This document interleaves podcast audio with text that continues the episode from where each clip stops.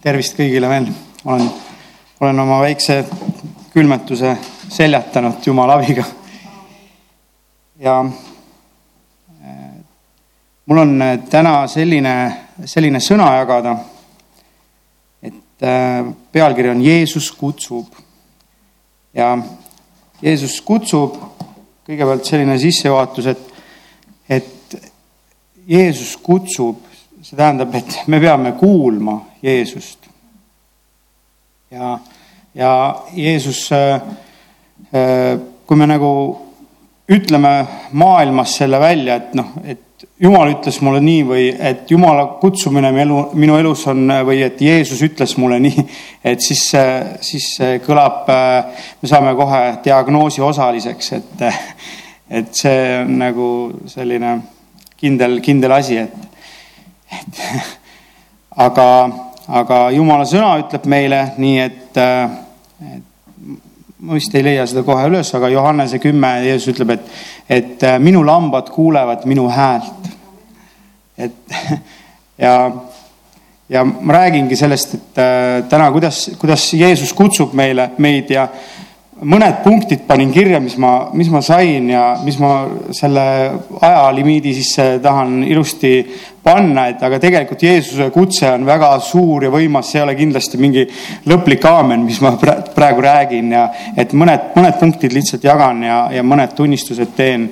aga noh, ma usun, et te saate ise ilmutust äh, edasi, et, et kuidas Jeesus on teid kutsunud ja, ja, ja noh, minu, minu alguses oli kohe see, et ma isegi käinud kirikus, ma olin mõnda jutust pereraadiost kuulanud ja, ja ega ma väga midagi piiblist ei teadnud.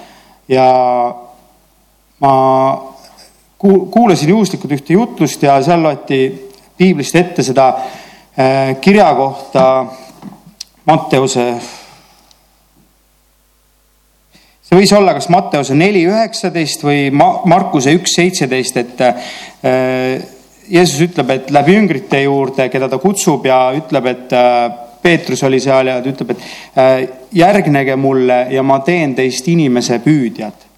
ja ma täpselt ei mäleta, kas selle taga jutlus ka või ma lihtsalt kuulsin seda aga minust see lõikas see sõna läbi tol hetkel, kui ma, ma ei teadnud midagi erilist, ei, ei teadnud kümnest käsust ega midagi, aga see just see, et äh, inimese püüdjad. ja siis ma remondin garaažis autosid äh, üksinda õhtuti, mõtisklen äh, Jumala peale, keda ma veel hästi ei tundnud ja, ja, ja muudkui see hääl äh,, see, see kirjakoht nagu heliseb mu kõrvus ma teen sust äh, inimese püüdja, ma teen sust inimese püüdja. ja noh, ma, ega ma lõpuni sellest äh, sel hetkel nagu aru ei saanud, nii nagu ma tänasest kirjakohast aru saan, et, et mis see, mis see tähendab üldse inimese püüdja. et, et mis, mis võrku ma teda, kedagi püüdma pean ja, aga sel hetkel see väga nagu noh, mäletan, et see muudkui helises mu kõrvus helises ja nii et Jeesus äh, Äh,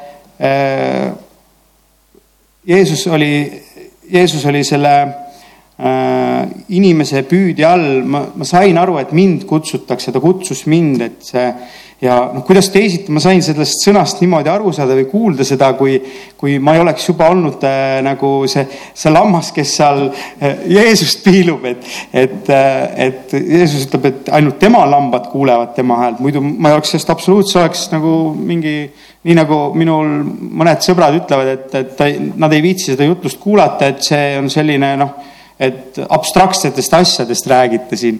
et äh, täna see jutt, nad, nad võivad seda kuulata, aga see on täiesti abstraktne jutt, on ju, sest et, et nad ei ole sellest karjast, nad ei, nad ei kuule seda häält, nad ei saa ilmutust. krist-, kristlik usk, meie ristiusk on ilmutususk ja, ja täna ei oleks seda jutlust ka, kui ei oleks ilmutust, et, et see on nii äge lihtsalt kirjutada mingit asja ja kui jumal hakkab sulle ilmutust andma järjest rohkem ja rohkem. Ja äh, esimese punktina ma panin sellise kirja, et, et Jeesus kutsub meid, Jeesus kutsub meid evangeeliumi kuulutama. amen. ja, Mat-, Markuse viisteist, kuusteist, viisteist, vabandust, see legendaarne kirjakoht. ja Jeesus ütles neile, minge kõike maailma, kuulutage evangeeliumi kogu loodule. ja ma toon ühe punkti välja, mis ma nagu enda jaoks avastasin. ja see evangeeliumi kuulutamine, siis äh, Paulus räägib äh, enda kutsumusest ja see on esimese Korintuse kirja esimene peatükk, salm neliteist, start. vaatame kohe, kes kiiremini lahti saab. nii. no see on teil paljudel peas kindlasti juba.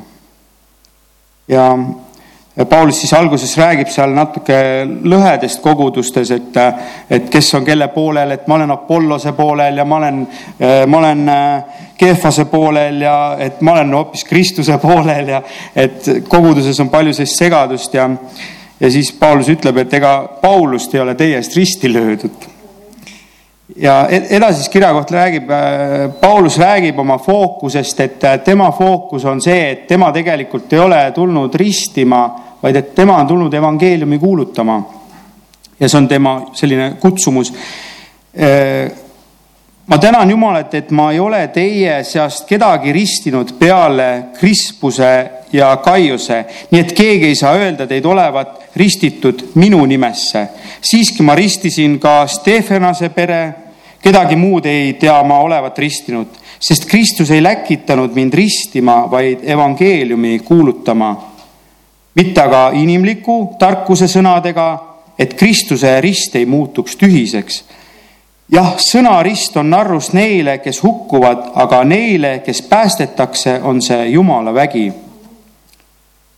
vaatan, kui palju ma lugema pidin, sest kirjutatud on, ma vih-, ma hävitan tarkade tarkuse ja teen olematuks mõistlikke mõistuse. ja ma just pööran nüüd tähelepanu sellele, et, et äh, evangeeliumi kuulutamine, et Paulus ütleb, et, et mitte see inimliku tarkuse sõnadega, vaid Jumala väes. jah, sõna rist on narrus neile, kes hukkuvad, aga neile, kes päästetakse, on see Jumala vägi. ja mis see, mis see Jumala vägi siis tänases äh, evangeeliumis on äh,? Neile, kes päästetakse, on see Jumala väik, päästetakse need, kes usuvad amen.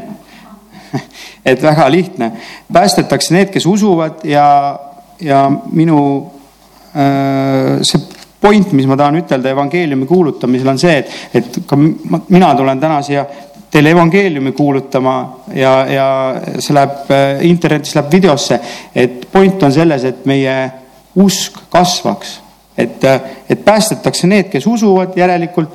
Mul tuleb kuulutada nii, et teie usk kasvaks et ja kui Jeesus proovis kuulutada Luuka neli, ta ütles, et ma olen tulnud tegema, võtame äh, lahti, jõuab küll mul on vist järjehoida siin vahel Luuka neli. Jeesus tuli ütlema, äh, kuulutama niimoodi, et evangeeliumi, issanda vaim on minu peal, seepärast on ta mind võidnud, ta on mind läkitanud kuulutama vaestele rõõmusõnumit, kuulutama vangidele vabaks laskmist ja pimedatele nägemist, laskma vabadusse rõhutuid, kuulutama issanda meele pärast aastat ja keeranud raamatu kokku, andis Jeesus selle sünagoogi treenri kätte ja istus maha ja kõikide silmaga silmad sünagoogis vaatasid ainiti teda.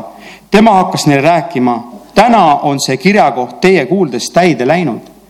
ehk siis see, mida Jeesus tegi, oli see, et ta kuulutas neile ja ütles, et vaadake, see on täide läinud, et te usuksite, see on teie silme all täide läinud ja, ja Jeesuse evangeeliumi kuulutamine oli täpselt samamoodi.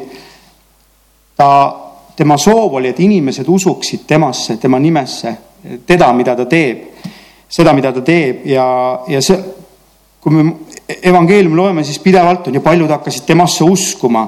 Ja kohe, kui ta hakkas uskuma, läks, juhtus see asi, juhtus see ime. Ja samal hetkel, kui ta uskus ja, ja Jeesus samamoodi nagu teeb, räägib selle, räägib selle, loeb selle kirjakoha ette, selle prohveti kirjakoha, mis oli, mis oli seitsesada aastat tagasi kirjutatud ja ütles, et teie silme all on see täide läinud, uskuge mind noh, ometigi see lugu lõpeb niimoodi, et mitte lihtsalt ei taheta Jeesust mäest alla visata, vaid tahetakse ülepeakaela teda alla visata.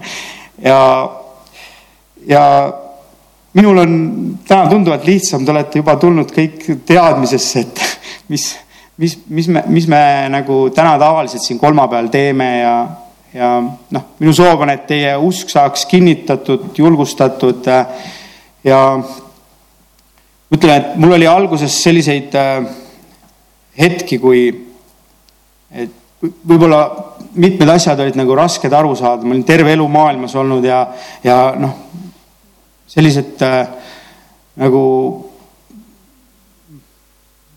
näiteks, näiteks kuidas noh, mind häiris ikkagi see, et kuidas, kuidas need loomad ja, ja kõik see, kõik see seltskond sinna noalaeva sai ära mahtuda, noh. ja see nagu häiris ja noh, tuli kogu aeg nagu küsimusi, et kuidas ikka see ja aga ühel hetkel juhtus see, et, et, et sa võtad Jeesuse vastu ja Jumal vastu nii lihtsalt lapse, lapseliku usus ja mis, mis mulle nagu väga äh, lihtsaks tegi ja mis mul alati meeles üks kirjakoht, mis Jeesus ütles, aga kelle sina ütled minu olevat? kui, kui ma loen, mida Jeesus tegi, mida tunnistas, mida rääkis, siis äh, see, see rohujuure tasa, tasemel see usk on mul alati olnud, et Jeesus ei oleks saanud kuidagi, kunagi valetada mulle, ta ei oleks seda teinud. ja Jeesus, et isegi kui mul mõni asi jääb elus praegu ka arusaamatuks või, või mingisugused, aga ma tean, et äh, mina ütlen alati, et Jeesus, sina oled see, sina oled päästja. Ja, ja noh, see on see rohujuure ta tasandil ust, mis ma saan teile ütelda, et jätke see endale meelde, et, et ma usun, et keegi ei pea sellesse nii noh, nii sellisesse hetke tagasi minema, et kelle, kelle me ütleme Jeesus olevat, et me, me oleksime nagu, oleksime ikkagi nagu äh,, nagu noh, täismehed või täisnaised Kristuses, et aga see see sõna on jah, et kelle, kelle ma ütlen Jeesus olevat.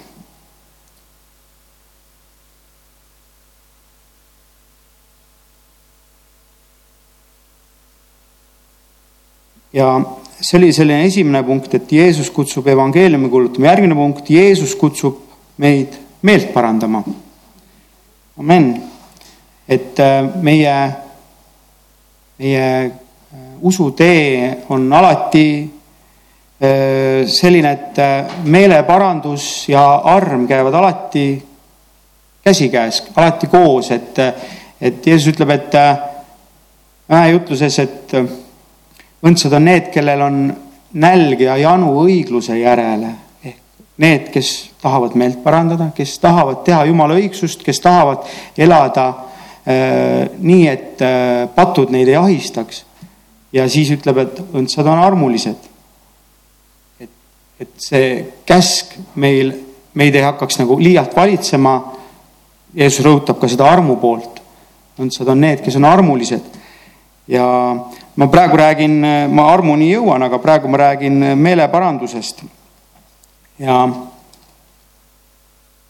sest et, et noh, me võime ütelda, et usk on väga lihtne, et et igaüks, kes südames usub ja suuga tunnistab, et Jeesus on issand, see päästetakse.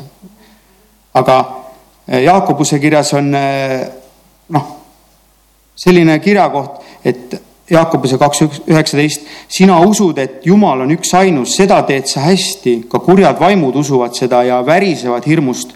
kas sa suudad mõista, sa tühine inimene, et usk ilma tegudeta on surnud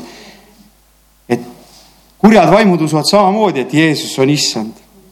ja, ja kurat usub, et Jeesus on see, kes ta on. ta on ju oma võtmetest ilma jäänud ja, ja nii et äh, ainult sellest ei piisa, et me usume, vaid et ka, et usk ilma tegudeta on surnud, et ka meie meeleparandus käiks alati käsikäes usuga. Ja mis ma olen nagu enda jaoks äh, leidnud sellised kirjakohad, noh, pakun, pakun teil, neil, teile lahkesti neid, et äh, kaks korda on õpetuse sõnades, äh, õpetuse neliteist, kaksteist ja õpetuse kuusteist, kakskümmend viis. mehe meelest on nii mõnigi tee õige, aga lõpuks on see surmatee. ja see on noh, kaks korda on seda asja öeldud, et äh, me, me ka oma usus ja armus äh, elu ei, oleks äh,, oleks tasakaalus ka pidevalt nagu äh, Jumala käest küsides ja, ja, ja Jumalas olles, et äh, meil on iga päev selliseid olukordi, ma usun, et, et need on sellised, Jumal, et kuidas selle asjaga on. Ja, ja et ja Taavet äh, õpetab meid äh, selle salmi äh, la, lausega sada kolmkümmend üheksa, kakskümmend kolm salm, et oh Jumal, uuri mind ja tunne ära mu süda, katsu mind läbi ja tunne ära mu mõtted, vaata, kas ma olen valuteel ja juhata mind igavesele teele. amen, et saate aru, et see noh, meeleparandus või see patukahetsus ei, ei olegi selline, et kui noh, et kui ma olen nüüd täiesti, no nüüd läks küll täiesti halvasti, et, et nüüd, nüüd ma kukkusin maailma või, või et äh, nüüd ma kukkusin läbi, et kui me kasvame äh, usus tugevamaks, siis, siis need sellised nagu noh, ei olegi võib-olla need patud nii nähtavad või, aga see ei tähenda, et me ikkagi nagu jumalale neid samu kirjakohti ei, nagu ennast ei ava sellega, et, et jumal, et kas, kas, äh, et näita mulle seda õiget teed ja anna mulle see rahu, Jumal, et, et kas ma olen õigel teel praegu. ja näiteks äh, kui Jeesus hakkab kuulutama, siis, siis ta esimene kuulutus on selline, et parandage meelt, taevariik on lähedal, ta kutsub meeleparandusse. ja see on huvitav, et Rist ja Johannese esimene, esimene lause, mida ta ütleb, on tegelikult samamoodi. Rist ja Johannes, kes teeb teed, sillutab Jeesusele, ütleb samamoodi, et parandage meelt, taevariik on lähedal. et ju on tähtis asi, kui jälle kaks korda. ja et äh, toon siin kolm joodiku näidet äh, äh, meeleparanduse kohta, et, et esimene oli selline, kui me Kirsikaga hiljuti käisime Saaremaal ja tagasi sõitsime, siis üks tee ääres üks joodik värises ja hääletas ja me võtsime ta pea, peale ja ja noh, päris tugev halb lõhn oli ja, ja ja hakkame siis sõitma, noh, umbe, umbes saime kohe aru, nii äh, äkki nelikümmend, viiskümmend kilomeetrit oli sõita, et siis mina hakkan nagu palvetama, et mul on nii palju aega, et kuidas, kuidas ma talle räägin Jumalast. ja äh, Kirsika siis äh, noh, paar sõna olime ära rääkinud selle mehega ja siis Kirsika toksab mind, et äh,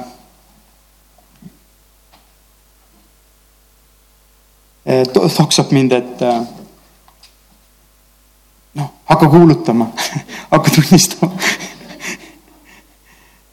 Äh, mõtlen alati, et nii suure tänutundega, et, et ma ei noh, mõtlesin, et võib-olla ma võtan mõne pruudi nagu maailmast, et lihtsalt, et nii kaua nagu oleme sõbrad, kuni ühel hetkel ta Jumala juurde tuleb ja kõik see võtab hästi kaua aega või noh, et aga Jumal annab kohe uskliku naise, kes kohe, no hakka tunnistama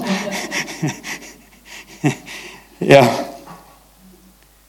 ja siis äh, ma ütlesin talle niimoodi, et äh, vot, vot sul on selline probleem, et äh, sa pead joomise maha jätma. noh, ta rääkis, et ta oli äh, ütleme ka sinna politsei kambrisse kinni pandud kainestusmajja ja siis ta noh, kõik seiklused, mis ta rääkis ja mina hakkasingi niimoodi jumalast rääkima, et, et vot, et sa pead joomise maha jätma ja noh, ma, ma teen hästi lühidalt ja siis teine asi, mis ma ütlesin, sa pead seal kodukohas koguduse leidma. see mees muidugi oli nagu, tal oli hästi raske minevik, tal oli naine Estoniaga äh,, Estonia peal hukkunud ja, ja see olukord, kus ta seal noh, maakoht, kus ta seal elas, ega seal noh, kui sul jumalat ei ole, siis sul ei olegi muud teha, kui juua ja oma, oma jumalat teenida. ja aga rääkisin talle niimoodi, et sul tuleb äh,, sa ei tohi üldse juua, sa, sul tuleb joomine maha jätta ja sa otsi üles lähedal olev kirik ja mine pühapäeval kirikusse. et see oli see, mida ma jagasin talle, noh, oli muidugi veel palju muid asju, aga see oli see põhiline, mida ma talle rõhutasin. ja kui ma olin nagu äh, kodu ära läinud, siis ma mõtlesin, et äh, noh, tal oli karm saatus, et kas ma nagu kas oleks võinud nagu mingi ilusama äh, loo rääkida, et Jumal on armastus ja Jumal on äh, äh, noh, mingisuguse magusa asja kokku keeranud siin, aga Jumal väga selgelt kinnitas, et vot kui mina hakkasin kuulutama, ma ütlesin, et parandage meelt, taevariik on lähedal ja et noh, et ma ei oleks pidanud hakkama nagu varjama seda, et Jumal tahab, et ta selle joomise maha jätaks ja kogudusse läheks. ja teine, teine joodik oli üks, kelle ma Maxi Marketis, ta oli seal kõvasti juba kiusanud rahvast ja siis ta tuleb minu juurde. õhtune aeg, pood hakatakse kohe kinni panema ja siis ta tuleb oma, noh, ta oli näha, et ta oli kõvasti joonud mitu päeva, tal oli pudel õlut käes ja paks suits ja siis ta ütles, et, et äh, paku mulle tuld. noh, Maxi Marketis ja ma ütlesin, et tule minuga kaasa autosse, mul on midagi paremat sulle pakkuda ja tuli minuga kaasa ja noh, ma sain aru, et äh, tal, tal on täna, tänase öö on ta, kas, kas ta sureb ära kuskil tänava peal, sest et oli talv äh, või läheb hästi ja politsei viib ta Kainerisse, äh, sest et ta elas Mõnistes. ja ma võtsin ta peale ja ma ütlesin, et istu peale ja ma viin su kodu ära ja siis ta ütles, et kohe, et, äh, et kuule, et mul ei ole sentigi raha. ma ütlesin, et ma tean, et äh, ma saan sellest aru väga hästi, et aga ma viin su kodu. ja hakkasime sõitma ja siis ta küsib, et miks sa seda teed. ja ma ütlesin, et ma tahan, ma tahaks, ma tahan sulle selgeks teha seda, et äh, sinu keeles, kuidas sa aru saad, et kuidas taevasse saada. et, et taevasse saab tasuta ainuke asi, mis ma sulle ütlen, et sa ei tohi siin autos juua. noh, kui sa kodu lähed, siis ma ei saa sind keelata, aga praegu, kui me sõidame, siis ma ei luba sul juua. et oled sa nõus sellega, ma viin sind kodu ära. ja nii läks, et ja siis ta ikka küsib, et aga, aga miks sa ikkagi seda teed, ma ütlesin, no ma tahan, et sa saaksid aru, kuidas taevasse saab, taevasse saab tasuta aga, aga ka meeleparandus on ju, sa ei tohi siin juua ja kolmas lugu on joodikust, kes oli kesklinnas äh, Statoili juures äh, pikali kukkunud. mina ei saanud aru, et ta kohe purjus on ja ma läksin juurde ja vaatasin, et mis tal viga on, et pikali maas, kilekott ka ja, ja rahulikult on seal ja tegin kilekotti lahti, siis ma sain aru, mis tal viga on, seal oli kaheliitrine see suur õlu. ja ta oli, ta ei jõudnud enam üles minna oma korterisse ja oli pikali maas. ja siis ma küsin, kas sa jõuad minna, no ma natuke kogun ja siis jõuan, kuidagi tuli üle huulte ja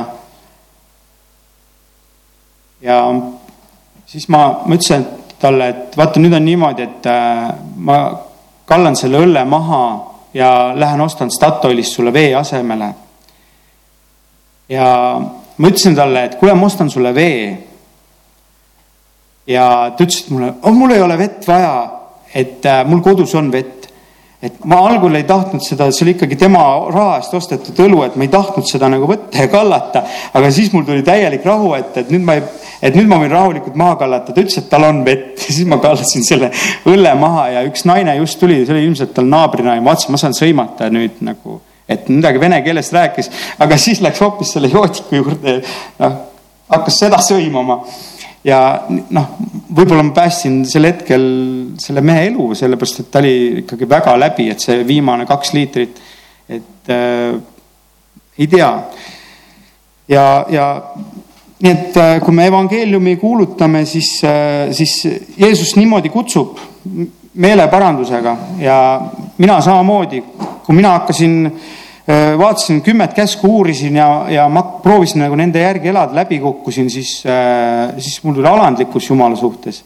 et äh, ja samamoodi ma saan ütelda, et Jumal on kutsunud mind tänu sellele, et mul tekkis patutunnetus. see on väga-väga suur asi, kui tekib patutunnetus, sest et noh, sa võid olla väga suur geenius ja kvantfüüsikat jagada, aga, aga sul, sa ei saa nagu maailma asjadest tegelikult üldse aru, kui sul patutunnetust ei ole. ja, ja noh, see on, see on meil väga suur nagu ime, et Jumal on meid niimoodi valgustanud, et me oleme saanud patutunnetuse, patutunnetusele pihta. ja nii nagu ma natuke juba enne mainisin ka, et üks asi, mida Jeesus kutsub, on, Jeesus kutsub meid uskuma. ja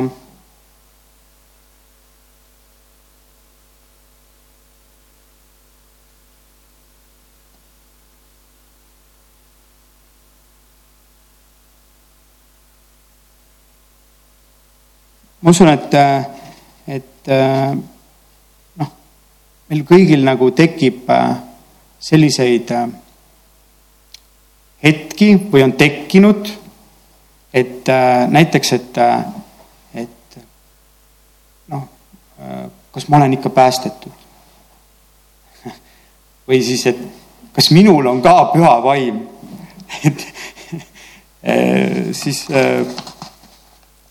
et, et, et kas see ristimine, mis nüüd äh, Toivo tegi, et äh, kas see on õige või et, äh, kas see on nüüd piisav ja no igasugused sellised ja et kas, kas ma kuulen Jeesuse häält, kas mina ka saan nagu kuulda ja ja kas see minu meeleparandus ja, ja pattude kahetsus, kas see on piisav, et kas see on nagu noh, et sellised nagu hirmud tulevad peale ja loen ühe kirjakoha ette, et see on äh, Luuka kaheksateist, äh, et Jeesus räägib tähendamissõna lesest ja kohtunikust. Jeesus rääkis neile tähendamissõna selle kohta, et nad peavad ikka palvetama ega tohi tüdida. ühes linnas oli kohtunik, kes ei kartnud Jumalat ega häbenenud inimesi. samas linnas oli ka lesknaine, kes aina kes käis aina tema juures ja rääkis, kaitse mu õigust mu vastase vastu. ja tükk aega kohtunik ei tahtnud ega, aga pärast ta mõtles endamisi. ehk ma küll ei karda Jumalat ega häbene inimesi, ometi kuna see lesk mind tüütab, muretsen ma talle õiguse, et ta oma lõputu käimisega mind ära ei piinaks. aga issand ütles, te kuulete, mida see ülekohtune kohtunik ütleb kas siis Jumal ei peaks muretsema õigust oma äravalituile, kes tema poole kisendavad päevad ja ööd? kas ta peaks viivitama neid aidates? ma ütlen teile, küll ta muretseb neile peatselt õigust, ometi kui inimese poeg tuleb, kas ta leiab usku maa pealt? ja Jeesus ütleb, et ärge muretsege selle õigsuse pärast, et, et mina, mina tulen ja küsimus on selles, kas ma usku leian maa pealt. ja noh, väga oluline on uskuda, et me oleme päästetud ja, ja ma näen ka täna on oluline uskuda, et piibel on tõde, sest et on kristlikud konfessioonid, kes juba nagu tühistavad, äh, kuidagi teevad tühiseks Jumala sõna, et see on lihtsalt üks ja teevad mingeid oma ilmutusi, asju juurde, oma raamatuid juurde veel, oma täiendusi. ja Jeesus ütleb, et, et kui siit üks punkt või koma ka kaob, et see on kõige väiksem taevariigis ja nii et, et piibel kaanest kaaneni see on, see on see, mida, mida, mida tuleb äh, meil uskuda nii, nagu ta siin on ja mida, see on, see on kõige lihtsam ka ju. raske on hakata midagi juurde mõtlema, küll läheb keeruliseks siis. et äh, kõige lihtsam on võtta niimoodi, nagu Jeesus ütleb, et kõik punktid ja komad on õige koha peal. ja, ja see ongi meie usk. jumala sõna on tõde, Jeesus on meie päästja. ja, ja hoiame sellest kinni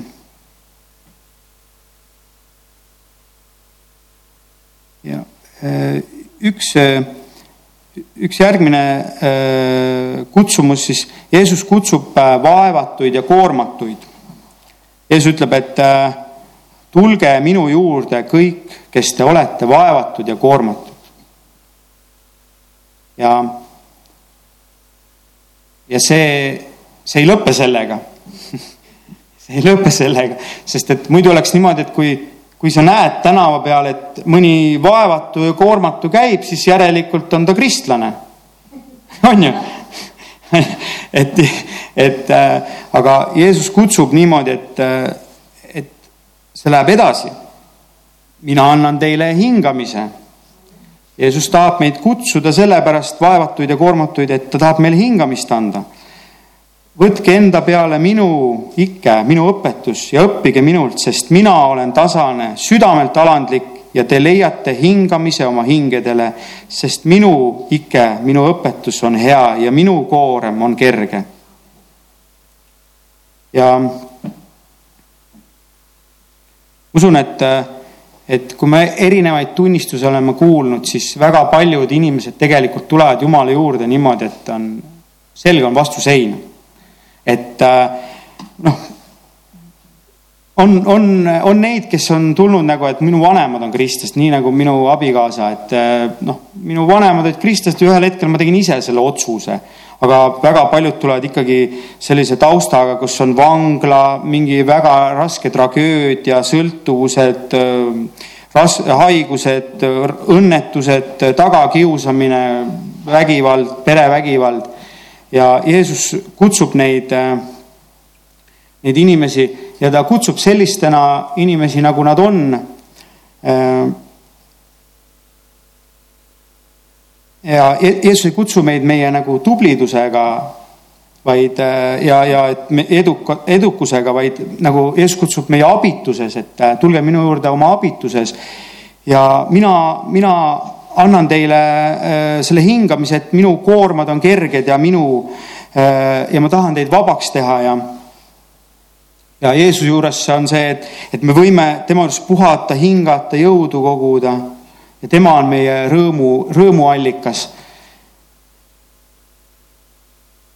no ega, ega mina ei olnud see, äh, kes ma, kes ma olen täna, ma ei olnud neli aastat tagasi äh, see, et äh, noh, ma ei uskunud iialgi, et ma kunagi kuskil tulen kantslisse, julgen üldse rääkida, et ja jumal annab selle rahu, võtab ära selle, selle pinge ja, ja jumal annab sõna ja noh, mäletan üks, äh, üks suur asi, mis äh, Jumal nagu ära võttis, oli surmahirm.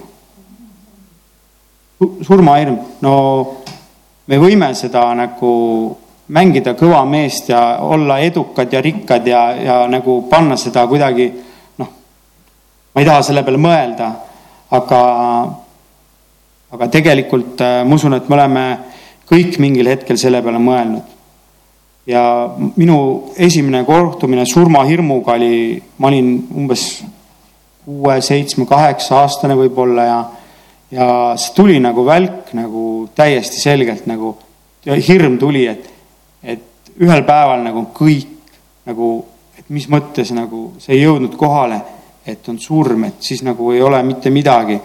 ja lapsena tõesti see, see ei jõudnud kohale, aga maailm õpetab meid, et oh, ela praegu, naudi ja noh, tänapäeval on see hedonistlik selline, et äh, maailmavaade, et äh, ela nii, et sul võimalikult hea on olla, et sul on võimalikult äh, noh, tee sellised otsused, et sa äh, sul on lihtsalt nagu, sa saad äh, elult võimalikult äh, palju nagu naudiskleda ja nautida selline, et äh, noh, et peaasi, et sinul on hea ja jumala juures on hoopis vastupidi, et, et alistuge mulle ja siis ma annan teile hingamise. ja tulge minu juurde, ma annan teile hingamise, siis on teil hea. ja üks tunnistus minu sõbra sõbralt oli selline, et, et ta tunnistas ka, et äh, ma olin talle rääkinud jumalast ja ta midagi sai aru, aga ta nagu, noh, mul ei ole aega sellega tegeleda, see on minu jaoks liiga keeruline ja, ja mul on nagu oma arusaamised, asjad ja, ja ta ikka rääkis, et nagu noh, tal oli see selline loodus ja kõik see, see loodu oli see tema, noh, tal väga meeldis nagu loodust hoida ja kõik sellised sügavad nagu äh, et looduse kaitse ja kõik see, noh, mis ei ole midagi vale, aga ma ütlesin, et sul jääb üks samm puudu, et äh, see ongi tähtis, aga tähtis on, tähtis on tunda ka seda, kes selle kõik loonud on, see looja. aga sel hetkel talle ei jõudnud see nagu kohale ja ühel hetkel oli tal elus äh, väga raske ja ta tunnistas mulle, et tal oli selg vastu seina ja ta oli elus äh, eraelu ja ärielu ja kõik, kõik ta sellised äh, eluvaldkonnad olid põhimõtteliselt jooksnud äh, noh, täiesti ummikusse. ja abielu oli jooksnud ummikusse ja väga-väga raske ja sel hetkel ma usun, et see mees palvetas nii, nagu ta oskas palvetada lihtsalt, et Jumal, kui sa oled olemas, siis aita mind, et ma ei, ma nagu ei oska enam olla, ma ei oska enam omast tarkusest, et ma olen, olen terve elu tark olnud ja proovinud, aga praegu ma, ma ütlen, et mul on jõud otsas ja ma enam ei oska edasi minna. ja nüüd on äh, pool aastat on möödas ja, ja noh, jumal võib-olla natuke no ma arvan, et pool aastat on möödas, jumal on selle perekonnaga sellist imet teinud, et nad käivad igal pühapäeval, kui võimalus on kirikus terve perekonnaga ja, ja me saime nüüd äh, pulmakutse, me teadsime, et äh, nad abielluvad uuesti ja me saime väga armsa pulmakutse, et äh, ja seal pulmakutse peal oli selline, selline äh, lahe kiri, et, et kümme aastat, nad on kümme aastat abielus olnud ja noh, see oli tavaline laulatus lihtsalt riiklik. ja pulmakutse peal oli siis niimoodi, et uus pulmakutse siis, et, et, et meie kümme aastat kestnud prooviabielu on läbi saanud, et tahame looja ees asjad korda teha ja, ja noh, see on väga-väga suur ja siiras rõõm näha, et kuidas kuidas äh, Jumal on äh, selle, selle perekonna kätte saanud. järgmine äh, kutsumine on, Jeesus kutsub meid olema tema moodi. Jeesus tahab, et me oleme tema moodi. ja mäejutluses, mul on üks mäejutluse raamat ka, mis mulle väga meeldib, mis on väga hea ja siin Elis Stanley Jones võtab äh, kokku selle raamatu niimoodi, eks mäejutluse. tänapäeval inimesed ei vaja midagi nii tungivalt kui praktilist elufilosoofiat. amen. ja teine, teine, teine lause, mis ta ütleb, on äh, kui võtaksime tõsiselt kogu mäejutlust ja rakendaksime seda ellu kogu ulatuses, siis muutuks kristlus ja muutuks maailm. amen. ja Jeesus, see jutt, mis ta räägib seal viis kuni seitse, see ei ole lihtsalt jutt. Jeesus äh, maalib pildi iseendast. ta lihtsalt ei räägi, et milline, mingi, ta ei käi ideaali välja, vaid ta räägib ise, milline ma olen mäejutluses ja äh, miks on see nii oluline, et äh, me loeksime mäejutlust ja, ja tahaksime, sooviksime, tahaksime olla äh, rohkem ja kasvada rohkem Jeesuse moodi, on see, et äh, ega noh, mis see point siis sellel usul meil on, et lihtsalt, et, e, et noh, elame oma pattudes ja et Jeesus, tänud sinu ohvri eest ja see, see on, kristlus muutub täiesti nagu mõttetuks kuidagi, et noh, sellel ei ole nagu, sellel ei ole nagu mingisugust eesmärki, aga, aga see, see suur eesmärk on see, et me oleksime täiuslikud, nii nagu taevane isa on täiuslik, nii nagu Jeesus meile eeskuju näitas. noh, ma tunnistan, et see on nagu väga-väga raske, et, et seal kohati mäejutluses Jeesus keerab ikka vinti korralikult ja, ja aga noh, soov kasvada on juba, ongi, ongi see ongi see juba, me oleme õigel teel. Ja mõned mõtted kirjutasin välja, et, et äh, mis ma nagu Keenias äh, sain, oli see, et noh, Keenia rahvas üldiselt on hästi kristlik, selles mõttes, et peaaegu kõik käivad kirikus seal ja, ja kõik teavad piiblit ja noh, seal rahvaarv mingi seitsekümmend viis protsenti äkki on nagu kristlased peavad ja, ja noh, tohutult palju kirikuid ja hordid on pühapäeval, liiguvad, kõik käivad kirikutes ja, ja meil oli äh, üks Eesti jooksja, äh, kes ütles sellised sõnad mulle, mis jäid meelde, et noh, ta oli päästmata inimene. Ja no meil oli seal selles jooksulaagris enamus oli tegelikult sportlased, nad olid, nad, nad ei tundnud Jeesust Eh, oli meie nagu selline grupijuht ja laagrihoidja eh, Tiidrek Nurme, tema on kristlane, aga enamus seal ei olnud ikkagi ja üks, üks jooksja ütles siis sellise lause, et, et nad, need Keenia rahvas, nad nimetavad küll ennast kristlasteks, aga nad tegelikult ei ela selle järgi. noh, see on nagu päris äh, selline mõtlemapanev tunnistus maailma inimeselt, et ta vaatab kristlaseid ja saab aru, et tegelikult nad ei ela selle usu järgi. noh, ma, ma võin ütelda, et ega noh, paljud seal ei ela ka, et äh, nad käivad kirikus, aga, aga äh, see, see, kuidas nad elavad, on noh, see ei ole väga, väga ilus alati. Juhtusin vaatama dokfilmi Keeniast, kus seal äh, näitas, äh, lugu oli kahest äh, karjasest ja, ja nende elust nagu, et kuidas nad seal hakkama saavad ja noh, algab film, see dokumentaalfilm niimoodi, et nad on, nad on kirikus ja laulavad ja siis lähevad kirikust välja kõik see rahvamass ja siis on see kaks peategelast, võtavad kiriku kõrvalt oma AK nelikümmend seitse oma automaadid ja siis lähevad siis äh, nagu karja, karja tagasi. ja siis nad räägivad, et näed, see on minu püss, et kui ma selle esimest korda kätte sain, siis ma tundsin ennast jumalana.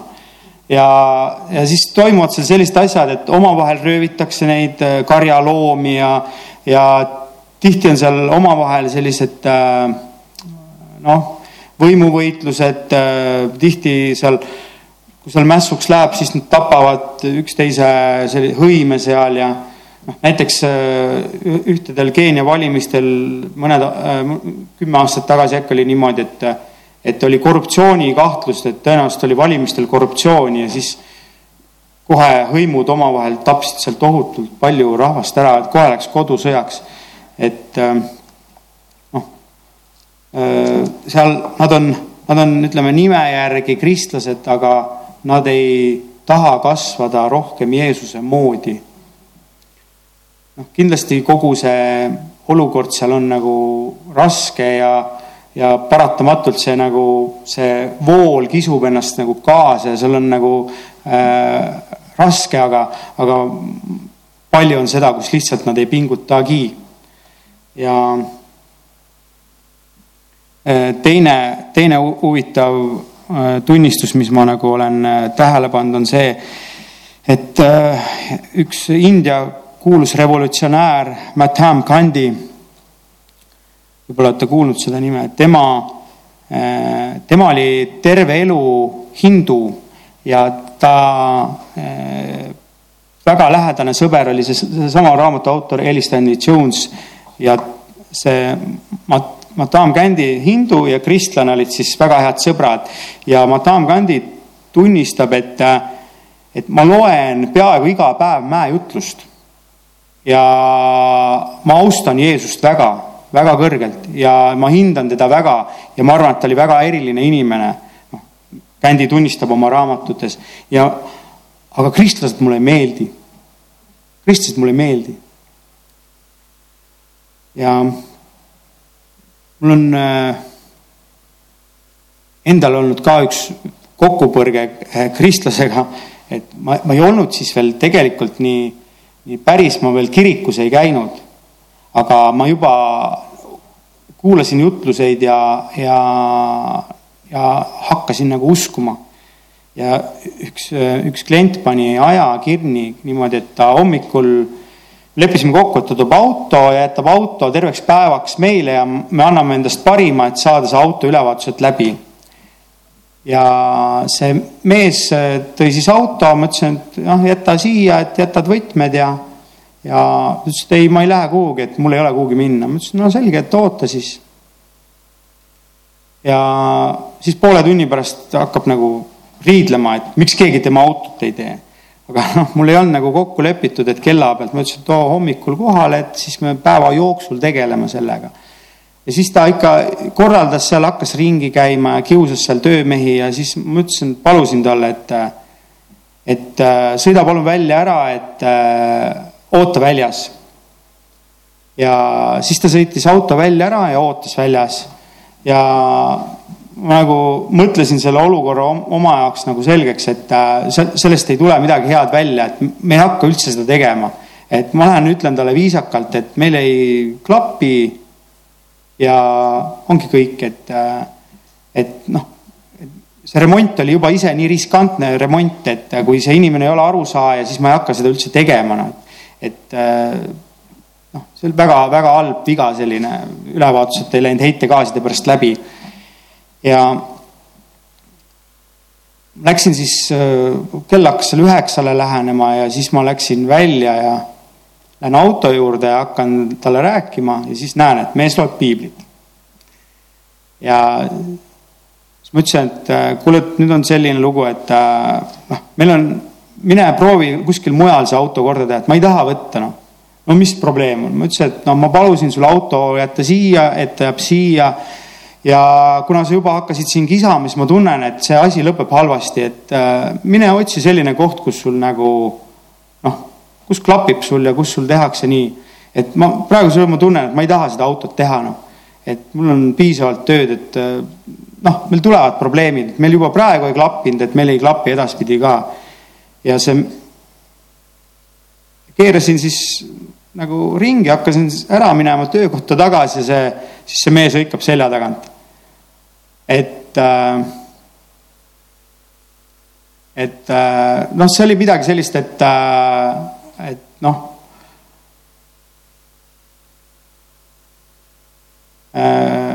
et noh, umbes, et noh, noh, olgu sulle jumal armuline või, või midagi sellist, et, et noh. Ja siis ma keerasin ringi ja ma, ma läksin, ütlesin talle, et kuule, et tead, et mul on jumalaga kõik korras. ja et äh, ma olen ka kristlane. ja sest ma pidasin ennast juba kristlaseks siis et ma ütlesin, et mul on jumala kõik korras, et ma olen kristlane. ja siis ta ei ütelnud midagi, ma keerasin uuesti ringi, hakkasin töökotta tagasi minema, siis ta lükkab selja tagant. kristlane ei joo ega suitseta. ja ma läksin tagasi, ütlesin talle, et ma ei joo ega suitseta ka. ja noh, eh, too hetk ma sain aru, et noh, ta süüdistas mind tegelikult alatult. ta ei, ta ei teadnud mind, ta ei tundnud mind ja ta süüdistas selles, et äh, lihtsalt äh, viskas mingisuguse veksli välja, et noh, proovis mind kuidagi nagu maha teha. ja äh, õnnistan seda meest praegu lihtsalt, ma loodan, et äh,, loodan, usun, et tal läheb hästi, läheb paremini. Ja et need olid mõned mõtted siis, et äh, miks on oluline olla Jeesuse moodi, aga olla Jeesuse moodi saab, kui me tunneme Jeesust, mitte selle põhjal, et äh, kuidas keegi jutlustab või, või äh, kuidas äh,, kuidas on harjutud, et kirikutraditsioonis on meil niimoodi. et meil on kirikutraditsioonis Jeesus selline äh, ühes, üks raamat on äh, Jeesus, keda ma ei tundnud. Äh, Janissei peaks olema see kirjanik. ta kirjutab seal sellise lause, et, äh, et tänapäeva kirikus, paljudes kirikutes on siis Jeesuse, meie juuda lõvi kihvad ära viilitud ja küüned ära lõigatud. et äh, tunne Jeesust äh, sellisena, nagu ta tegelikult on ja, ja see on väga isiklik asi.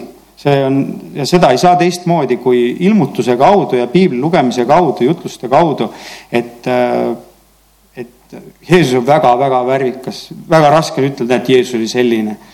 erinevates olukordades täiesti erinevalt käitub, et terve elu on meil kuni, kuni taevariigini on avastamist küll, milline Jeesus oli ja viimane punkt on äh, Jeesus kutsub alistuma Jumalale. Ja Matteuse kakskümmend kuus, kolmkümmend üheksa on selline kirjakoht ja ta läks pisut eemale, langes silmili maha ja palvetas. isa, kui see on võimalik, siis möödugu see karikas minust ometigi ärgu sündigu nõnda, nagu mina tahan, vaid nii, nagu sina tahad. Jeesus õpetas meid, et me oleksime alistunud Jumalale, meie palved oleks ka alistunud, alistatud Jumalale, mitte et me ainult käime oma selle loo välja, et kuidas me mõtleme, et õige oleks ja vaid, vaid me, see palve oleks ka üles ehitatud sellisel meelsusel, et aga ometigi sündigu sinu tahtmine. ja meie isa palves me ütleme, sinu riik tulgu, sinu tahtmine sündigu. ma loen nüüd äh, selle, sellise jumalale alistumisele loo Luuka neliteist, kakskümmend viis, kolmkümmend viis lõigud, neliteist, neliteist, neliteist. Luuka neliteist, kakskümmend viis. nii, siin on siin on selline noh, täpsustus on minu piiblis, et tähendamissõna torni ehitamisest ja sõja alustamisest. aga koos Jeesusega käis palju rahvast ja ta ütles nende poole pöördudes. kui keegi tahab minu juurde, kui keegi minu juurde tuleb ja ei vihka oma ema ja isa ja ema ja naist ja lapsi ja vendi ja õdesid ja veel pealegi iseenese elu, see ei saa olla minu jünger kes ei kanna oma risti ega käi minu järel, see ei või olla minu jünger. sest kes teie seast tahtes ehitada torni ei istuks enne maha ega arvutaks kulusid, kas tal on kõik vajalik selle lõpetamiseks. muidu juhtub, et kui ta aluse on rajanud ja ei suuda lõpetada, hakkavad kõik pealtnägijad teda pilkama. see mees hakkas ehitama, aga ei suutnud lõpetada või kui keegi kuningas läheb sõtta võitlema teise kuninga vastu, eks ta istu enne maha ja pea nõu, kas ta on võimeline minema kümne tuhandega selle vastu, kes tuleb tema peale kahekümne tuhandega. aga kui ta ei ole võimeline, eks ta läkita juba siis, kui teine on alles kaugel, saadikut küsima, mis on vajalik rahuks. nõnda siis igaüks teie seast kes ei jäta maha kõike, mis tal endal on, ei saa olla minu jünger.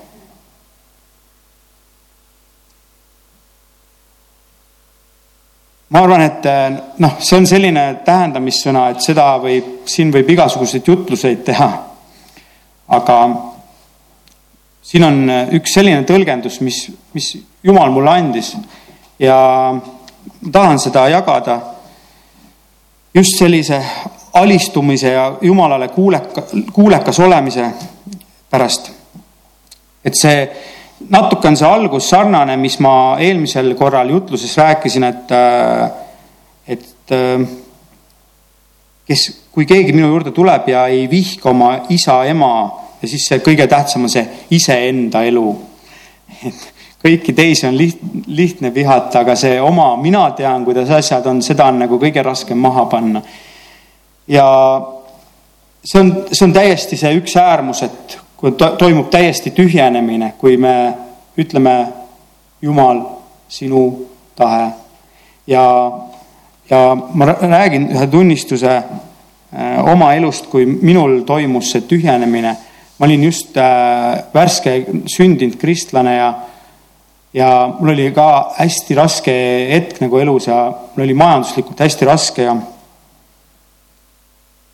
ja mõtlesin, et, et äh, Jumal, et äh, kui sa oled olemas, siis mul on, ma olen nagu, ma olen nagu jah, ka praegu selg vastu seina, et, et mul on nagu kõik ära proovitud, aga ma enam ei jaksa, et äh, Jumal, kui sa olemas oled, et, et sa oled kõik loonud ja sul on nii palju tarkust, et, et kui mina, kui sa annaksid minule ka natuke tarkust, siis ma näen, et selles olukorras on vaja tarkust ja et ma oma tarkusega enam ei jaksa. ja mõtlesin, et äh, kui see ime sünnib, et ma sellest olukorrast nagu välja tulen praegu, siis on, siis on küll see jumala ime. aga mul oli veel viimane tuhat viissada eurot oli. ja see oli selline nii-öelda noh, veel vaba raha, kuigi mul olid äh, võlad, mul olid arved maksmata, mul olid äh, palgapäevad varsti tulemas, mul oli see viimane tuhat viissada eurot ja mõtlesin, et et jumal, ma panen praegu viimase ära, ühte kirikut ehitati, ma panen selle ära, et siis ma vähemalt, muidu on niimoodi, et ei, tänu sellele tuhande viiesajale ma veel kraapisin sellest olukorrast välja ennast. et ma panen selle ära, et siis ma saan tunnistada ühel hetkel, et, et, et ja, ja ma ei, ma ei, ma ei saa seda nagu äh, kunagi ära unustada, et jumal, sa selle ime tegid. noh, et äh,, et ma praegu tunnistan ennast abituks ja, ja ma panen kõik ära ma panen kõik maha, et siis Jumal, sa saad mind, kui, kui sa oled olemas, siis sa saad, ainult sina saad mind aidata. mõistate, selline nagu tühjenemisprotsess toimus ja, ja noh, oli, ega ma andsin kõik asjad nagu üle ka Jumalale, et võtsin hoopis teise positsiooni. see on, sa võtad kodus teise positsiooni, sa võtad töö juures teise positsiooni. ja see ongi teine positsioon number kaks positsioon ja oi kui vabastav see on. no see on nii hea. et sa ei pea ise Jumalat mängima enam see kukub väga haledalt välja ja, ja see on, see on naeruväärne. ja, ja siis, siis toimub see teine hetk, et, et me ei jääks selleks tühjaks nagu tühi, tühi, tühjaks pigistatud sidrun, et me ei jääks sellesse, vaid Jumal ütleb, et, et järgige mind see on hoopis teine, teine olukord, et me hakkame tegema Jumala tahtmist ja noh, me, me võtame risti en, enese peale, oma risti, oma, oma selle kutsumise, mis, mis Jeesus on meile äh,. Jeesus on plaan, et ta tahab mingit plaani ellu viia, me võtame selle risti ja hakkame seda Jeesuse plaani ellu viima oma elus. ja, ja kuidas seda kuulda, seda kutsumist, on see, millest me juba rääkisime, et me, et Jeesus ütleb, et Johannese kümme kakskümmend seitse, minu lambad kuulevad minu häält ja mina tunnen neid ja nad järgnevad mulle ning ma annan neile igavese elu ja nad ei hukku iialgi ning keegi ei kisu minu, neid minu käest. amen. ja nii nagu ma eelmine kord tunnistasin, et, et küsi väikesi asju Jumala käest juba, mitte nii, et, et kellega ma abielluma peaks ja noh, mis veel, et, et, et noh, et kas ma, kas ma peaksin nüüd minema tööle sinna või sinna, aga noh, kõik, kõiksuguseid pisiasju võid jumala käest küsida, kui väiksed olukorrad, et, et siis sa ju õpid oma karjas häält kuulma. et küsi, küsi ka väikeste asjade kohta võid küsida, sest et noh jumal, jumal tahab ka väga väikeste asjade puhul nagu õpetada meid. mul on, mul on üks, üks hea näide oli, mul oli meie koguduse pastoriga Toivo Teekeliga oli üks kokkupõrge. see oli, see muidugi, see oli tühi asi, see ei olnudki mingi eriline kokkupõrge, aga nagu mul jäi nagu, et, et no nüüd on selline olukord ja et ma hakkasin nagu kaaluma neid erinevaid asjaolusid ja ja osad kristlased rääkisid seda juttu, teised seda juttu ja, ja nagu noh, ja ma olin sellisel nagu, oli sellises positsioonis ja et äh, ma nagu kaalusin äh, ja, ja noh, Toivo oli väga selgelt ja konkreetselt nagu oma asja välja käinud. ja mitte, et ma sellega nagu ei oleks päri olnud, vaid nagu oli selline väike konflikt, väike kokkupõrge ja, ja mõtlesin, et kuidas on õige, et kas nüüd kuulata Toivot või kuulata neid inimesi või, või mis, mis õige selles olukorras teha on. ja läks aega kaks nädalat, ma olin nagu selle olukorraga jumala ees, et, et jumal, et kuidas ma sellesse, praegu sellesse nagu olukorda suht-, suhtuma peaks. ega midagi ei olnud, midagi ei käärinud, ega kõik oli nagu okei okay,, aga, aga ma tundsin, et nagu ma tahan vastust saada sellele. ja, ja vastus tuli kahe nädala pärast, kaks nädalat hiljem ma sain selge ilmutuse Jumala käest, et see oli ka kolmapäevane päev, et, et ole ustav Toivole ma tulin, ma tulin Toivo juurde, siis sai koguduses sai see kolmapäevane teenistus sai läbi ja ma ütlesin Toivole, Toivo, kuule, ma tahtsin sulle öelda, ma tahan sulle ustav olla Toivo vaatas muidugi, et mis see viga on, et Toivo ütles, et järgmine kord jutlustas ka vist pühapäeval, et ma ei taha, et keegi mulle ustav on. jumalale tahab ustav olla või selle kogudusele ustav. mul ükskõik, kus koguduses te käite, et, et äh, aga noh, minule, minu vastus oli see, et äh, selles olukorras ma usaldaksin konkreetselt Toivo kogemust ja jääksin ustavaks temale ja us usaldaksin teda. ja mul oli vaja kohe see nagu rõõmust välja paisata, Toivo, ma tahan sulle ustav olla ja, ja noh nii, nii, nii, nii jumal räägib, et mõnikord tuleb ka vastus nagu kaks nädalat hiljem ja, ja ikka see, et õpi isiklikult tundma, milline on Jeesus. ja see jutt läheb edasi, see tähendamissõna. see räägib, et siis käib torni ehitamine, et me peaksime kõigepealt hakkama arvutama, et sest kes teie seast ei tahaks ehitada torni ja istuks enne maha ega arvutaks kulusid, kas tal on kõik selleks, selleks äh, vajalik lõpetamiseks. ja, ja see, mis ma rääkisin tegelikult, kui me ei ole alistunud Jumalale, kui me ei kuule Jeesuse häält, kui me ei ole ennast nagu tühjendanud, siis meil tegelikult ei ole olemas kõike valmis, et see lõpuni viia. et ehk siis usus lõpuni püsida ma ei, ma ei kujuta ette, kuidas saab usus lõpuni püsida nii, et sa ei, sa ei saa ilmutusi, sa ei kuule eh, Jeesuse häält, sa ei ole, ole alistunud Jumala tahtele, sa ajad mingit oma asja. noh, lihtsalt ma ei tea, see ilmselt see on mingi selline äh, nagu see ülestõusmispühade ajal võib-olla käid kirikus või noh, mingid, mingid oma plaanid on noh, minul oli näiteks alguses selline plaan, et ma hakkan kirikus käima iga kuu ühe korra, et kui mul elus äh, läheb midagi viltu, siis on mul niimoodi, et ma saan vähemalt, äh, kui Jumal on olemas, ma saan Jumala ees olla õige, et ma olen vähemalt kirikus käinud. et see noh, mingi selline täiesti religioosne oma mõttekäik oli, et äh, noh, siis ma olen vähemalt õige nagu, et ma vähemalt proovisin ja, ja noh, aga nihukese asjaga ei jõua ju lõpuni. noh, Jeesus ütleb, kuule, et materjal saab enne otsa, et äh, noh. ja, ja et me arvutaksime kulusid ja, ja kulusid on palju ja kulud, kulud äh, saavad, äh, kivid ei lõppe siis, kui me teeme äh, nii seda, mis on isa tahe.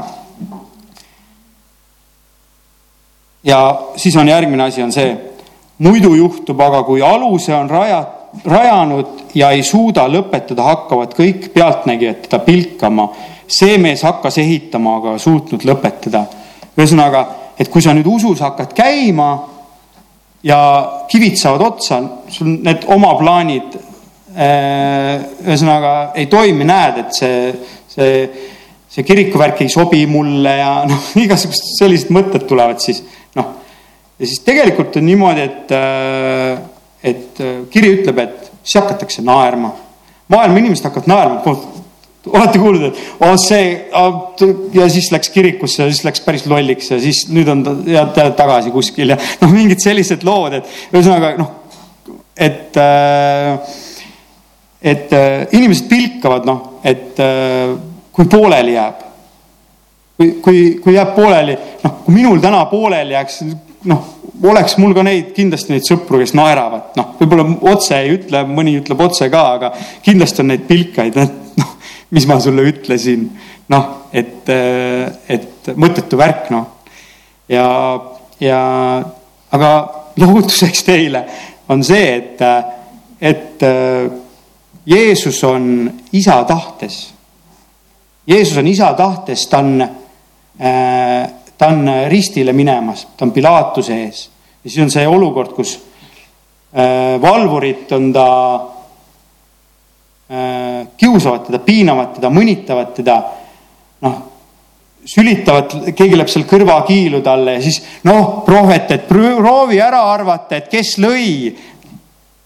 Nad pilkavad ja irvitavad, et mitte ainult siis, kui me ära langeme, ei irvitata meie üle, vaid siis, kui me oleme ka Jumala tahtes kui me oleme Jumala juures, inimesed ervitavad ka meid siis nii et noh, kui te, ükskõik mis uudised on, kui te Delfist mingisugust artiklit loete, siis alati, no seal on alati irvitamine. on see hea või halb või surm või elu või, või spordiuudised või alati on üks, alati on üks irvitamine, et inimesed alati irvitavad meie üle. ja nii et, et noh mul on, mul on äh, kahju, kui irvitatakse, mul on kahju sellest inimesest, mitte endast nagu noh, et, et aga siin siis järgmine edasi läheb see tähendamisse on niimoodi, et äh, või kui keegi kuningas läheb sõtta võitlema teise kuninga vastu, eks ta istu enne maha ja pea nõu, kas ta on võimeline minema kümne tuhandega selle vastu, kes tuleb tema vastu kahekümne tuhandega. kuidas sellest aru saada siis? ja noh, esimene asi kindlasti me kristlastena on see, mingi, et mina lähen kümne tuhandega, keegi tuleb kahekümne tuhandega vastu. ja siis on see, meie kaitsereaktsioon on see, et, et kui keegi meid ründab, on see Efesosse, Efesosse kiri, et, et tõmba pähe usu, äh, usumüts ja kilp kätte ja mõõk ja onju, vastane ründab mind. või siis, et äh, teine on see psalm üheksakümmend üks, et, et äh, kümme või kakskümmend tuhat tuleb, mul on ainult kümme tuhat, langegu su kümme tuhat praegu siitpoolt minu külge, see ei puutu. aga tegelikult on nii, et kes siin ründab või kes nagu piltlikult, mis, mis olukord on, siin ei ole üldse vaenlane, vaid et Jumal tuleb kahekümne tuhandega ja me oleme oma kümne tuhandega ja et kas me ei tee siis kohe nagu taha saata saadikuid, et rahu teha. jumal tuleb oma plaaniga meie ellu ja meil on nagu oma plaan valmis. ja, ja mis, mis mulle kõige rohkem selle loo juures see hetk meeldib, et pange tähele, jumala plaan on alati kaks korda parem kui meie oma plaan amen. ja siis ähm, noh, kuidas, kuidas minu elus oli see jumala plaan, äh, oli minu plaan oli jumala plaan ja jumala plaan oli kaks korda parem.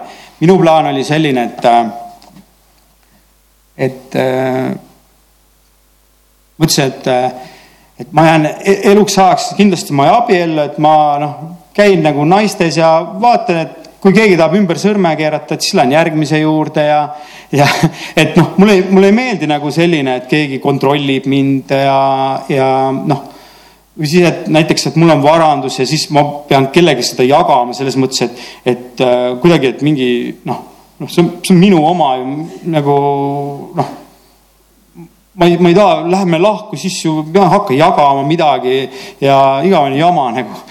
ja, ja ja noh, ma olin täiesti kindel, et ma ei abiellu mitte kunagi, noh see mõned aastad tagasi. Ja kui, kui, kui ma Jumala juurde tulin, siis ma sain selgelt aru, et, et abielu on minu kutsumine, et abiellumine on minu kutsumine ja, ja, ja selles mõttes, et see on Jumala plaan. Ja noh, ma ei, ma ei hakka kõike nagu rääkimagi, ma olen ikka väga patus olnud, et ja, ja mõtlen väga-väga rumalasti mõtteid ja need oma plaanid, et mul ei olnud kümmet tuhandet sõjameest kaugeltki sellest et, et mul oli see jumala plaan oli ikka veel, veel rohkem kordades parem. ja eh, kui ma äh, enne kui ma Kirsikaga tegelikult tuttavaks sain, siis, siis mul oli selline üks, üks väike põgus tutvus ja ma kutsusin kedagi nagu kohtingule ja ta ütles mulle jaa. ja minu palve oli Jumala siis selline, et Jumal, et äh, kui see on sinu tahe, siis siis noh, mulle, mulle meeldib see ja ma tahan nii väga abielluda ja, ja, ja aga see oli päästmata äh, tütarlaps ma teadsin, mis mind ees ootab, et, et ma kõigepealt jagan oma elust, et millest ma usun ja, ja kui ühel hetkel see tüdruk tõesti saab nagu päästetud ja, ja siis, siis me saame nagu suhtega edasi minna, hakata rääkima abiellumisest ja ja noh, ma teadsin sada protsenti kindlalt, et ma ei abiellu kindlasti päästmata inimesega, aga nagu ma olin noh, ütleme nii meeleheitel, et ja samas ka mõtlesin, et nagu noh, et ma ei tea nagu täpselt, et mis see jumala plaan on, et, et või, või kuidas see lugu areneb. ja ma palusingi niimoodi, et jumal, ma tahan nii väga selle tüdrukuga välja minna eh, kohtingule aga jumal, no okei okay,, et kui see ikka sinu tahe ei ole, siis las see kukub läbi, noh. no küll oli raske ütelda, et jumal, sinu tahe, noh. nii oleks tahtnud nagu minna, aga raske oli see, see palve meelsuse õige hoida. ja, aga tänu jumalale see kukkus läbi, see tüdruk äh, nagu äh, ei, ei võtnud äh, minuga ühendust ja nagu kadus vaikselt silmapiirilt ära, nagu ei tahtnud minuga tegemist teha. no eks ta aru sai, et usklik mees, et et sõbrannad ütlesid, kohe soovitasid kindlasti, et see on mõttetu asi ja täpselt ei tea, aga jälle siinkohal õnnistan seda tüdrukut ja, ja siis äh, läks lugu edasi niimoodi, et ma olin nagu ühe ilmutuse saanud, et, et, äh, et ma olin sellega muidugi juba unustanud ja pannud selle tallele, aga ühe ilmutuse ma olin saanud, et, et äh, sa tutvustad ennast oma tulevasele abikaasale niimoodi. see Rooma kümme viisteist kirjakoht. Äh, kuidas aga saaks kuulutada, kui ei olda läkitatud, just nagu on kirjutatud, kui kaunid on nende jalad, kes kuulutavad head rõõmusõnumit. ja siis ma ühel hetkel avastasin Kirsika Kirsika vist vaatab mind praegu. lubas, ütles, et, ütles, et vaatab mind. tšau, kallis, ma armastan sind ja, ja siis ma leidsin Kirsika internetist, äh, Insta, äh, Instagramist ja siis vaatan ja jumal, palvetan, et jumal, anna see rahu, et kas on see tüdruk, mulle nii väga meeldib ta ja, ja et kuidas ma talle nagu, nagu ennast tutvustama peaksin, et ma ennast ära ei hirmuta ja, ja siis ma saatsin talle selle, leidsin seal ühe pildi, kus oli kirsika jalad ainult peal, saatsin selle kirja kohe, et kui kaunid on jalad, mis kuulutavad head rõõmusõnumit. Mõtlesin, et jumal, kui sa andsid selle, et äh, nüüd mul tuli meelde, et sa selle nagu andsid ja et jalapilt on ka olemas, et kõik on olemas, et, et, äh, et ja kui ei lähe läbi, siis on jälle, et jumal, sinu tahe ju, et ei läinud läbi, et ja, aga töötas see kirjakoht ja et jumal ikkagi oli, oli oma selle ilmutuse taga ja, ja et, et jumala plaan oli kindlasti kakskümmend korda parem kui minu enda plaan. Kaks, nüüd meil sai seitse kuud abielus oldud, meil iga päev on mingi tähtpäev ja ma ei tea, ma teen hästi kiiresti veel abielule reklaami, et mul on selline, no hakkan lõpetama, et mul on üks selline raamat, Ehe õnn, see ei ole kristlase kirjutatud, see on noh, tänapäeva ütleme, selline elukutseline psühholoog, maailma tipptasemel psühholoog. Ja see on päris huvitav niimoodi, et ma ei, ma ei ole täitsa läbi seda raamatut lugenud, aga ta räägib nagu õnnest ja rõõmust ja ja armastusest ja, ja lõpuks ta jõuab äh, sellise hetkeni, et ta räägib nagu religioonist ja siis ta noh, ta räägib hästi palju uurimustest. siis ta räägib, tegelikult seal uurimus tuleb välja, et, et väga-väga suur öö, äh, osa ikkagi need, kes on usklikud inimesed, need on nagu õnnelikumad, neil on vähem depressiooni ja, ja et selline huvitav, huvitav uurimus nagu, mis nagu noh, et päris hästi aru ei saa, et nagu noh, et, et see usk ikka on nagu selline nagu kuidagi on see ikkagi vajalik inimesele, et see nagu, need inimestel läheb paremini elus, kes on usklikud. Ja aga ta ta kirjutab ka abielust, noh, ta ei saa päris kõigest aru, me anname talle andeks, et ta on ikkagi maailma inimene, et ta, ta noh, abielu ka, tal on mingisugune, lõpuks ta leiab sellele abielule mingisuguse oma seletuse täitsa nagu noh, mingi jätkusuutlikkuse mingisugune printsiip. Aga noh, abielu on selgelt ju Jumala poolt äh, inimesele antud kingitus ja see on adamiitlik kutse, et äh, teid saagu palju, et ja üks selline uurimis, mis, uurimus tahtsin ette lugeda, et, et ta kirjutab niimoodi, et äh, positiivse psühholoogia vaatepunktist toimib abielu imehästi. Ja Dia, Dianer ja Seligman uurisid iseäranis õnnelikke inimesi. selgus, et kõik õnnelikkuse tipus seisavad äh, küsitletud valimi kümneprotsendiline ülaosa olid parasjagu armu suhtes. vaid üksainus välja valitutest no, olid äh, parasjagu armu suhtes, ühesõnaga need õnne tipus olevad inimesed. kõige silmatorkavam fakt abielu kohta on see, et abielurahvas on kõigist teistest õnnelikum. see on ilmnenud paljudes küsitlutes, küsitlustest abieludest äh, nimetab äh, nelikümmend protsenti end väga õnnelikuks. kui, kuid nii arvab ainult kakskümmend protsenti, kakskümmend kolm protsenti nendest, kes pole kunagi abielus olnud. See kehtib seitsmeteist rahvuse ehk kõikide uuritud etniliste rühmade kohta. abielu on võimsaim õnnelikkuse tegur kui rahulolu tööga, rahaasjadega või kogukonnaga David Maier ütleb oma targas ja hoolikalt läbi töötatud teoses American Paradox. vähe on õnne eeldusi, mis oleksid mõjuvamad kui lähedane, võrdõiguslik, elukestev lähedus parima sõbraga. depressiooniga on otse vastupidi, abielurahvas kannatab kõige vähem depressiooni all. järgmine rühm on need kes pole kunagi abielus olnud, siis tulevad ükskord lahutatud, vabaabielulised ja lõpuks kaks korda lahu, lahutatud. ängistuse peapõhjus on olulise suhte katkemine.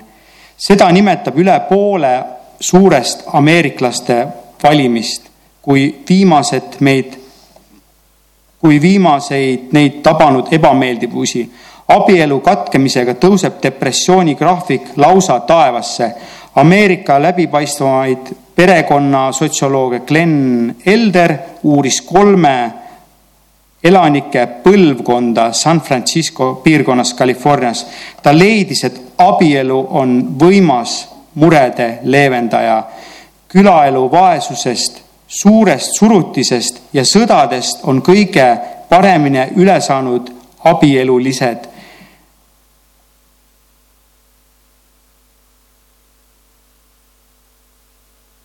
neljandas peatükis ma arutlesin, kuidas jõuda oma sünnipärase õnnelikkuse suurima määrani. ta selgus, et vaid abiellumine võib sinna viia.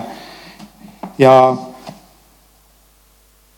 me, me andestame, me andestame talle mõned vead, mis ta siin tegi et muidu, muidu see uurimis on muidugi väga kõnetav, et sellised protsendid ja, ja see mõte, vähe on õnne eeldusi, mis oleksid mõjuvamad kui lähedane, võrdõiguslik, elukestev lähedus parima sõbraga, kes on Jeesus.